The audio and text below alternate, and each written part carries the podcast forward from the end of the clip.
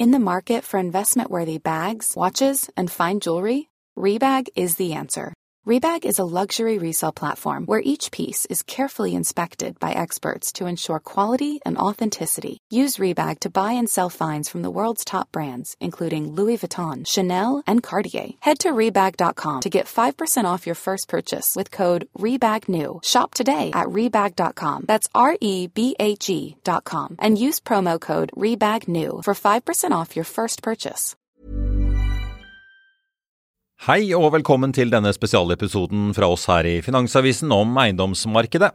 Fredag 1. desember arrangerte vi vår årlige eiendomskonferanse, som kanskje var ekstra interessant akkurat i år, nå som rentene har økt kraftig, flere sliter med økonomien i næringsbygg, prisene faller i markedet og boligbyggingen har bremset kraftig opp. Ikke rart forsamlingen som møtte opp på Grand Hotel i år kanskje var litt ekstra spent på hva som skjer videre. Vi skal slippe hele serien med diskusjoner og foredrag utover i desember og gjennom julen i podkastfeeden til Økonominyhetene, og her vil du få servert stoff fra ulike perspektiver, inkludert eiendomsinvestorer, bank og advokatstanden. Her hører du Olav T. Løvstad, sjef for eiendom og entreprenørsmarkedet i DNB. God lytting. Takk skal du ha for uh, introduksjonen. Um, uh, det er uh, utvilsomt artig å komme hit på eiendomskonferansen. Jeg har vært her et par år tidligere også, både i 21 og 22. og det har skjedd mye i den perioden. Kanskje jeg vil si, Det er vel aldri skjedd så mye på en toårsperiode som det vi har sett de siste to årene. I hvert fall så er dette et et eiendomsmarked i veldig, veldig rask endring. Eh, og raskere endring faktisk enn jeg noen gang har opplevd i de årene som jeg har jobba med, med, bransjen. Eh, kanskje bildet her illustrerer at eh, det begynner å bli litt lys i andre enden av den kikkerten. Det skal jeg komme litt mer inn på. Jeg leste også i en annen avis her en dag at det var en annen markedsaktør som uttrykte at vi ligger som ei feit gjedde i sivet og venter på kjøpsmulighetene. Så det er mange, eh, mange forskjellige strategier og vinklinger inn. Det, jeg må bare oppsummere litt i forhold til hvordan situasjonen er nå, sammenlignet med det jeg har vært innom her eh, de to siste årene. Eh, egentlig så begynte vel disse endringene for fullt, etter vår oppfatning med, altså det, det hadde et toppunkt i Q4 2021. og Etter det så har jo egentlig endringene dratt på. og Det har vært en ganske så aggressiv rentepolitikk. Eh, og det har vært da denne kraftige renteoppgangen på, på veldig kort tid. Eh, og renten den eh, jo, bruker jo som et, brukes som et annet virkemiddel i, i, dag enn det vi har sett ved tidligere korreksjoner, hvis vi går noen år tilbake. Eh, vi så f.eks. i 2008 at styringsrenten ble brukt som et viktig virkemiddel, og som hjalp eiendomsmarkedet mye, hvor man satte ned styringsrenten fra 5,25 til 1,25 på veldig kort tid. Den muligheten er ikke der nå. Så det er den underliggende forskjellen. Du har stigende renter kombinert med relativt høye kredittmarginer eh, sett i et historisk perspektiv. Eh, og Vi ser også at stigende GIL ser ut til å henge etter utviklingen i den renteoppgangen som har vært. Eh, men de følger nå i definitivt i samme retning. Før har det ofte vært en lag på rundt seks måneder. Den har vært mye lengre nå, i hvert fall et år. Så det er en, også en forskjell. Så er det spørsmålet ser vi en vedvarende lavere inflasjon. Det trender ned utenfor Norge, og det blir spennende å se tallene fra Norge nå. Eh, men det kan tyde på at det er noe som skjer på inflasjonssiden som også påvirker det norske markedet. Og så Som en joker oppi alt dette her, så har vi sett at det har vært en kraftig omlegging av skattesystemet rundt eierskap, øh, som da har hatt påvirkning på attraktiviteten til eiendomsmarkedet. Og Med det som bakteppe så skal jeg komme inn på elementer både innenfor bankfinansieringen og innenfor øh, det som gjøres av finansieringen i kapitalmarkedet eller obligasjonsmarkedet. Jeg har lyst til å begynne med rentekurven. Den sier jo alltid ganske mye, selv om det er vanskelig å forholde seg til rentekurven fordi den også på en måte notorisk eh, spår feil, selv om dette er markedets egenvurdering av hvordan renten skal bli fremover, altså forward-renten. Vi husker Norges eh, Bank satte opp styringsrenten forrige gang, eh, i september, til 4,25. Eh, nå er Det jo sånn at det er mange som er ute og sier noe og spår noe om renter. og Konsensus i går blant de største analysemiljøene i Norge det var at ha, det skal toppe ut på 4,36 som et snitt blant de store analyseselskapene. Og Det betyr jo at det nå er sannsynlighetsovervekt for at det ikke blir en renteoppgang 14.12., hvis man skal stole på analytikernes egenvurdering. I går var Nibor 4,72. Markedet gjennom forward-kurven spår at dette skal toppe ut nå, slik kurven ser ut, og hvor det handles, på 4,74 som høyeste punkt. Og Hvis vi går litt lenger frem i tid og ser på gjennomsnittet fremover, så ser tiårsrenten ut og skal lande på, på 3,43. Når jeg var her i fjor, så var den på 3,10. Tidligere i høst så var den på 4,20. Det viser bare noe om hvilken kraftig volatilitet det er i dette markedet, hvor mye usikkerhet det er. Kommer signaler eh, Eh, spesielt internasjonalt, så påvirkes dette her veldig kraftig. Den var enda lavere, helt ned i 2,80 i mars, da disse uroene i USA med de amerikanske bankene var, var der. Eh, så Det viser bare at usikkerheten er der i stort monn. Og det er også sannsynligvis stor usikkerhet fremover. Men allikevel så bruker vi forward-kurven når vi budsjetterer og gjør cashflow-vurderinger, for det mener vi er det beste prognosen som fins. Da markedet selv vurderer det. Eh, her prøver vi å vise at det er veldig, veldig vanskelig å spå fremtidige renter. Det jeg viser her, er eh, Norges Banks fremskrivninger eh, av rentebaner. Den oransje linjen der viser hva faktisk tremåneders Nibor er verdt fra 2011, og Norges Banks ulike varslede rentebaner i grønt på ulike tidspunkt. Og mange ganger, eh, eller mange prøver jo å spå renten, som sagt, eh, men vi, eh, at dette, her, dette er kompleks. Det er egentlig ingen som vet hvor renten går. Og til og med Norges Bank, da, som setter renten, bommer notorisk både på opp- og nedturene. Så Nå viser forward-renten at markedet skal forvente en rentenedgang innen, inn i 2024 og 2025, sånn som kurven viser her. Eh, så Det blir spennende å følge den eh, fremover. Men det er jo da som sagt positive ting som skjer. Vi har sett et ganske så kraftig fall i de lange rentene, og spesielt tiårsrentene i USA, som påvirker veldig fort. Et annet eh, nøkkeltall vi ser mye på, det er jo hvilken, hvilket, forbruk, norske, hvor, hvilket forbruk nordmenn har.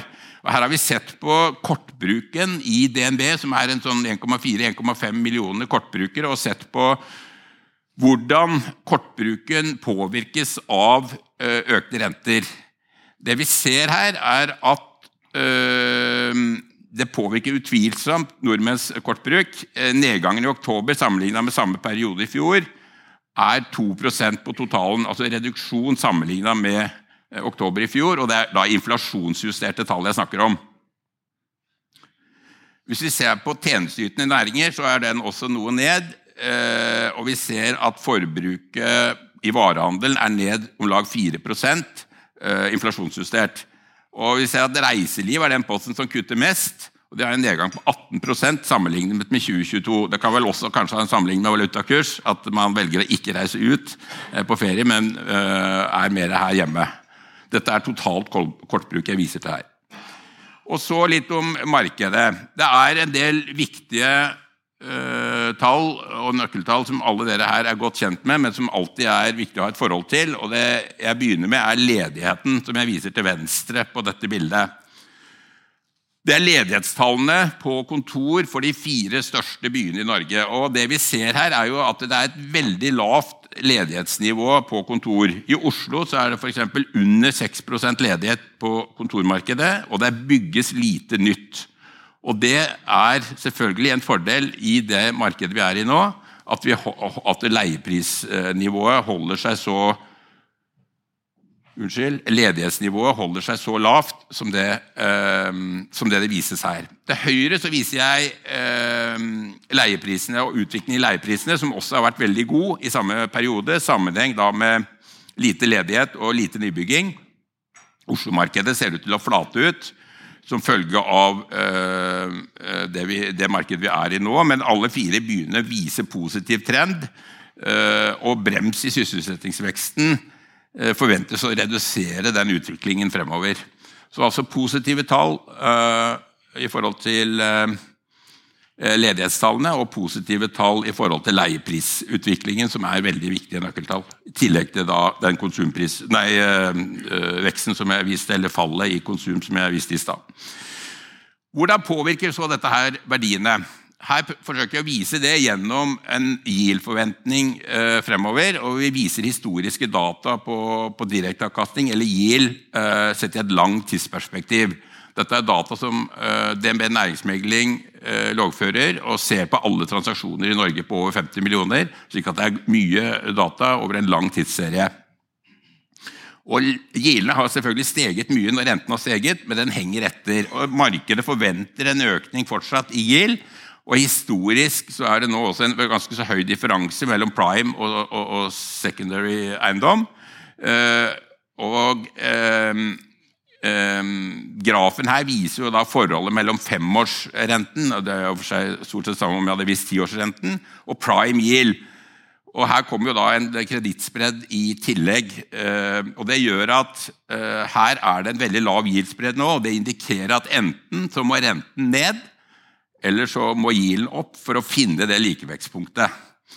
Hvis vi ser dette her i et langt tidsperspektiv eh, så, og ser kredittspredd opp mot, eh, mot prime yield, så har den eh, forskjellen stort sett ligget på rundt 1,7% Hvis du legger 1,7% oppå den lange renten, så er du på drøye 5% Og Det er en indikasjon på hvor yielden skulle vært, gitt at du skal ha den samvariasjonen som du tradisjonelt har mellom lange renter og yield.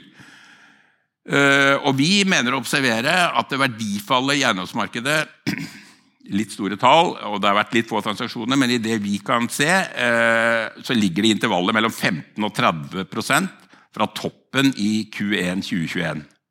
Så vi mener var toppunktet. Men så kan du si at med en KPI, eller en konsumprisjustering på leiekontraktene som du har, med så høy, eh, så høy KPI som det er nå, så har vi sett på Hvis du gjennom en treårsperiode hatt, har en inflasjon på 13-14% det var den siste prognosen som vi så fra, fra DNB Markets, så korrigerer det på nominelle tall eh, med sånn mellom 0,5 og 0,7% på gilden, faktisk. Så det, det slår ganske kraftig når du øker topplinjen eh, med den KPI-en som du har nå. Så over på finansieringsmarkedet. Ehm, og her er det jo eh, selvfølgelig en god del usikkerhet. Kapital er en veldig viktig eh, faktor i et eiendomsprosjekt. Det er den høyeste kostnadskomponenten, og det er en kapitalintensiv sektor. Så er det da, Hvordan er tilgangen på bankfinansiering? Ja, Vårt inntrykk er at markedet for bankfinansiering fungerer generelt ganske godt. Obligasjonsmarkedet er mye mer selektivt akkurat nå, men det, det kommer tilbake. Jeg skal vise litt tall på dette her. Ehm, men vi savner at er, alle kilder er godt tilgjengelig og godt fungerende. fordi eh, det er bra for markedet eh, at det er flere kilder tilgjengelig på kapital til gode prosjekter. Og ehm, Samtidig så viser denne kurven, som er Unions bankundersøkelse, eh, som er helt tilbake til 2010 eh, og den, I dette spørsmålet har de spurt hvor mye egenkapital det er naturlig, eller hva man må legge inn av egenkapital i et nytt kontorprosjekt i Oslo. Og Her ser vi at det kommer fra et nivå på sånn 20 eh, hvis vi går tilbake igjen 12-13 eh, år. Og så er den gradvis økt i takt med fallet i giler gjennom disse årene. Og Det er ikke så unaturlig at da er en del av den nedsiderisikoen uh, som kommer gjennom de kraftig økende eiendomsverdiene, den er tatt ut gjennom en høyere egenkapitalandel. Og Det har vært en stigende trend over flere år. Uh, så kom det da et litt nytt skift helt mot slutten av perioden her, som vi ser. Og vi er nå oppe i nær 50% egenkapital i et standard kontorprosjekt. Og det eh, Hvorfor er det sånn? Altså Kapitalkostnadene er, eh, er eh, høye, men hvorfor er det sånn at du allikevel må ha opptil 50 egenkapital? Er det det at banken har begynt å bli veldig kjip, eller hva er egentlig årsaken? Jo, jeg mener at Det ligger selvfølgelig i rentekostnaden. og Det er et nøkkeltall du kan regne på, som er rein matematikk. og som Eh, ikke er noen skjønnsmessig vurdering fra bankens side. Og Dette er jeg helt sikker på at eiendomsbesitterne her har regna mye på. Uh, og Jeg skal ta et eksempel. Uh, hvis vi sier at du har en eiendom som har en GIL på 4,75, og så sier du at du skal ha en rentedekningsgrad, eller en ICR, på minimum halvannen prosent. Eller halvannen, da. Eh, og så tenker du at du har et, eh, et lån med flytende renter, uh, forventa renter i 2024, og legger på, eh, legger på en kredittmargin på 225 basispunkter. Eh, og du skal ha denne rentedekningsgraden. Hvor høyt kan du da belåne dette prosjektet? Jo, du kan belåne prosjektet faktisk med 47% og da greier du en rentedekningsgrad på halvannen. Og Halvannen er egentlig ikke veldig høyt. De fleste har, tror jeg har covenance-krav for de som har covenance på dette, uh, dette punktet, ligger ofte på 1,8. Kanskje to noen ganger også. Uh, men også i noen tilfeller 1,5. Det kommer an på uh, hvor stabil kontantstrømmen er, hvor lang han er og hvor forutsigbar han er. Og Du kan jo også gjøre noe her gjennom å ha faste renter. selvfølgelig. Det kan jo endre dette regnestykket, men for de som ligger med flytende renter, så er dette regnestykket. Hvis du velger å si at du har en eiendom som har en yield på 6% med akkurat de samme forutsetningene, ja, så kan du belåne eiendommen i dag for å få denne rentedekningsgraden på halvannen. Så kan du beregne ja, du kan belåne i underkant av 60% Da går det regnestykket opp. Og Det er bakgrunnen for at det er en høyere egenkapitalandel i dag enn det det var tidligere. Jeg skal komme litt tilbake til hvorfor eh, jeg sier akkurat dette her også. fordi jeg mener at rentedekningsgrad har alltid vært viktigere enn hvor mye du har belånt eiendommen. Eh, altså det som vi kaller for LTV, eller belåningsgraden. Så litt inn i obligasjonsmarkedet. Obligasjonsmarkedet har øh, vært delvis der, og det viser tallene her. I 2023 så ser vi at det nå er gjort om lag 14 milliarder i obligasjonsmarkedet. Det er en viktig kilde, det er et veldig viktig supplement i forhold til bankfinansiering. Eh, og Vi ser at eh, obligasjonsmarkedet har hatt mange gode år eh, de siste ti årene.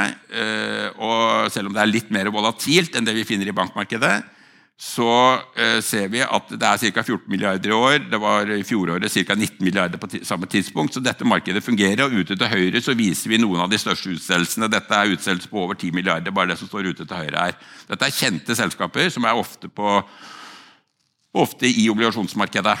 Um, obligasjonsmarkedet er mer avventende, men på ingen måte stengt. In the for investment-worthy bags, watches, and fine jewelry, Rebag is the answer. Rebag is a luxury resale platform where each piece is carefully inspected by experts to ensure quality and authenticity. Use Rebag to buy and sell finds from the world's top brands, including Louis Vuitton, Chanel, and Cartier. Head to Rebag.com and get up to 15% off your first purchase as a member with code REBAGNEW. Shop today at Rebag.com. That's R E B A G.com. And use promo code REBAGNEW for up to 15% off your first purchase as a member. I'll see you in court. Vi sier det ofte litt på spøk, men for deg som driver business, er det aldri moro å innse at du ikke har laget en 100% gyldig kontrakt. Du bør ikke risikere hele firmaet ditt fordi du synes dette med kontrakter er litt stress. En avtale er ikke en avtale. Du kan miste kunder, miste venner, ja, til og med miste inntekter om du ikke lager en skikkelig kontrakt, på alt mulig, egentlig. Men vi vet det er et styr, kopimaskiner, tregprinter og haugevis av papir. Dessuten stoler vi jo på folk her i landet. Det er ofte litt kleint å skulle be om en signatur for alt mulig, ja, for mye av styret handler også om jakten på underskriften. Det finnes en enkel måte å løse dette på, Dukkobit, en trygg, effektiv og get this, gratis måte å sikre seg en god natts søvn pluss en juridisk bindende avtale. Dukkobit-appen har de strengeste sikkerhetskrav i bunn, samt en EU-godkjent og sertifisert teknologi. Framover vil det bli behagelig å spørre du, skal vi skrive under på det, eller? Kom i gang på dukkobit.no. Uh, her viser vi hva må du betale i kredittpåslag for eiendom sammenlignet med øvrige eh, segmenter i, i markedet. Vi har sammenligna fem års kredittpåslag her med energisektoren, industrisektoren og bank. Og Det vi ser her, det er jo at eiendom har stukket fra i forhold til eh, kredittpåslag. Eh, betydelig frikobling eh, fra eiendom fra og med september 2022. Og så var det et Det er tiltalt vesentlig også fra mars 2023, da de andre faktisk har falt tilbake. Her har vi sett på uh, de største selskapene i Norge, uh, Olav Thon, Entra, Obos, Norwegian Property og Sten og Strøm, og tatt det inn som et snitt. Og Vi har markert det da med den, den gule streken her, og de andre ser dere på andre sektorer hvor store forskjellene er. og Dette priser jo inn den usikkerheten som investor opplever at det er i dette markedet akkurat nå. Eh, hvis vi tar snittet av disse selskapene, som jeg nevnte, så er kredittpåslaget nå 250 punkter. og Hvis vi legger på den risikofrie renten i bunn, så er vi på rundt 6% rente all in. Ehm, så totalrenten eh, er da også eh, selvfølgelig litt ned sammenlignet med hva det var for kort tid siden. Tidligere i høst var vi mer opp mot, mot 7 Her er et annet poeng som vi ofte blir spurt om uh, i forhold til de som ser uh, finansieringsmarkedet utenfra. Det er f.eks. datingselskaper, analytikere og andre som er interessert i dette her, og som sammenligner Norge og Sverige. Og Norge og Sverige har veldig store forskjeller i finansieringsstrukturen. Det, det, er i hvert fall veldig viktig å, å, få frem, fordi at renteøkningene i Sverige også har vært relativt sett mye større enn det vi har sett i Norge, fordi de kom fra et nullrenteregime uh, over en lengre tidsperiode, er faktisk negative renter. Uh, og så er Det sånn at det svenske obligasjonsmarkedet er vesentlig større enn det norske. Uh, I Norge så utgjør obligasjonsmarkedet sånn 170-80 milliarder av totalfinansieringen til eiendom, som er rundt 15-20% av totalen. I Sverige så er det tallet mye høyere. Uh, der er tallet rundt 40 av totalen på et dobbelt så stort marked. Og Dermed så blir forfallsstrukturen som jeg viser her, sånn som den blir så ser du at det er veldig små tall igjen for 2023. Det er lite igjen som skal refinansieres. Det har gått bra i 2023, refinansieringen har skjedd. Og øh, vi ser at øh, dette her går i mål for 2023. Og så er det relativt store forfall både i 24, og 25 og 26 her. Uh, men eh, det ser ut som dette absorberes i markedet. Og i Norge har det i hvert fall ikke vært noen, noen uh, stor utfordring. Um,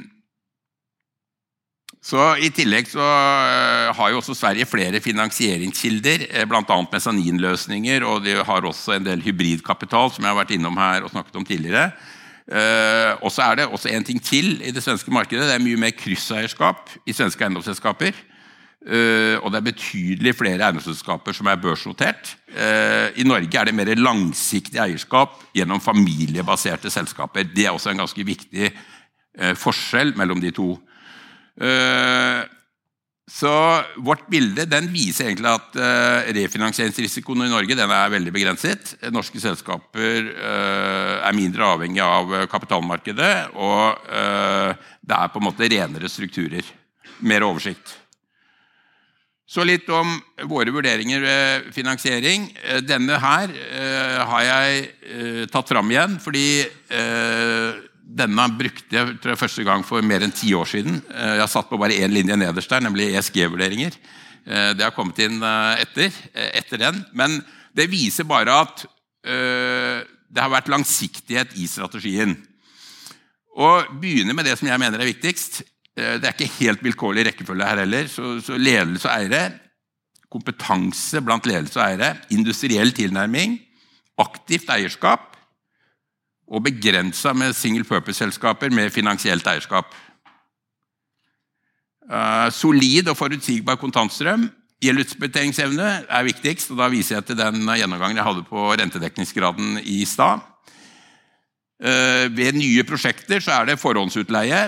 At man da ikke finansierer noe på, si, på spekulasjon, det er ødeleggende også for markedet å gjøre det. I tillegg til at det er en høyere risiko. Eh, og så er det fokus på det med likviditet i eiendommen og akseptable restverdier. Altså muligheten for å selge en eiendom i et eiendomsmarked, eh, også om markedet er litt tregere. Og Den forskjellen ser du veldig godt nå. at når du er lenger ut i randsonen der, jo mer krevende er det med likviditeten i den eiendomsmassen.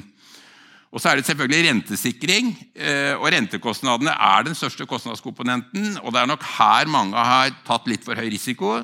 Men her gjelder det å ha den proaktive tilnærmingen hele tiden og ha en rentestrategi som man holder fast ved. Og jeg ser jo at De selskapene som har gjort det, de har jo en kjempefordel, sånn som situasjonen er nå. Og Så har vi ESG-vurderinger, eh, e som vi skal si litt mer om etterpå, som har blitt viktigere og viktigere. og jeg kommer tilbake til det.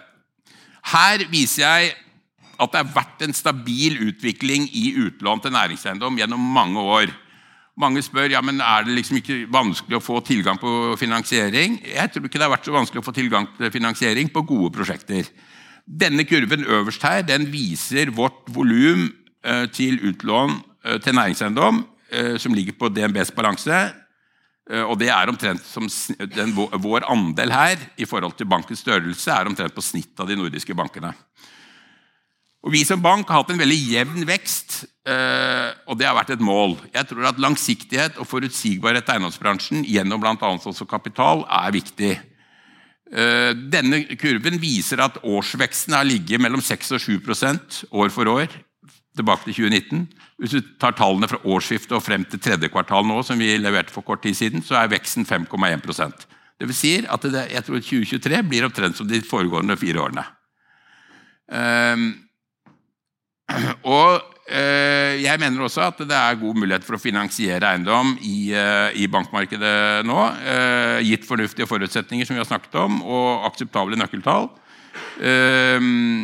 Og en ting til som jeg har lyst til å si, og det er at DNB er sammen med alle andre banker, egentlig, i hvert fall i Norden, og spesielt i Norge, fordi vi har hatt strenge kapitalregler, godt kapitalisert, og kapitalreglene gjør at kapasiteten er god, men det er noe som skjer gjennom disse eh, modellene som er såkalte IRB-modeller, eller modeller som vi er eh, avhengig av å bruke, som er internasjonale eh, eh modeller, eh, som gjør at vi i perioder hvor migrasjonen i selskapene altså Risikoen i selskapene øker gjennom eh, dårligere rating, så får du mer volatile mer volatilitet i utlånsmarkedet. Fordi bankene må sette av mer egenkapital fordi selskapene eller markedet migrerer i negativ retning. Og Det er, eh, det er en av grunnene til at du er kanskje med og forsterker uh, svingninger uh, gjennom denne type modeller.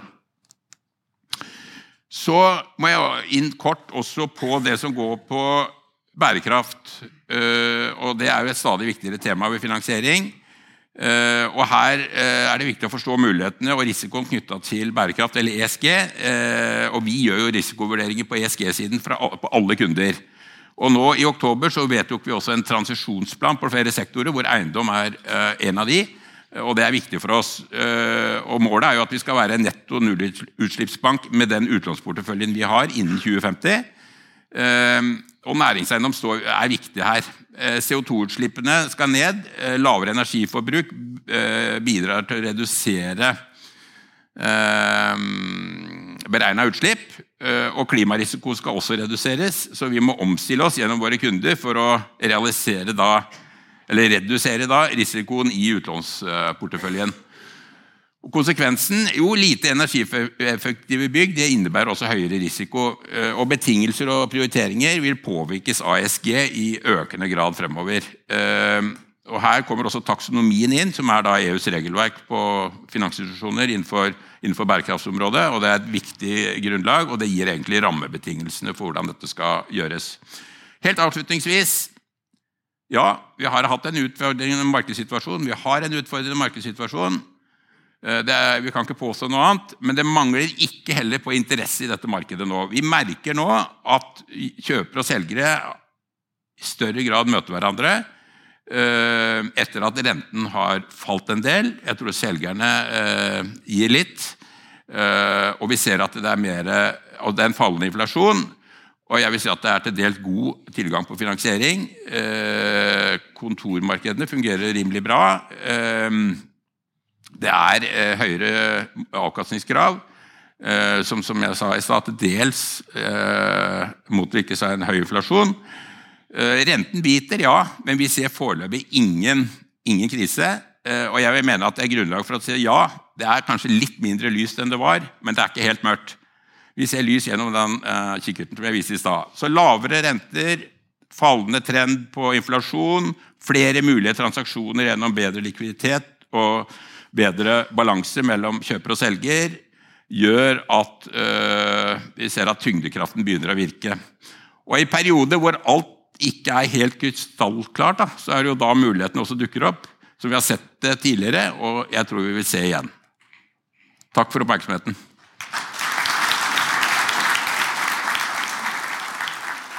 Og da var vi ved veis ende i denne episoden. Flere podkaster fra Eiendomsserien og andre sendinger det finner du på fano-tv, eller ved å søke opp Økonominyhetene i Spotify, Apple Podkast eller der du hører på podkast. Mitt navn er Marius Lorentzen, tusen takk for at du hørte på, og så ønsker alle vi her i Finansavisen og Hegna Media deg en riktig god jul og et godt nytt år.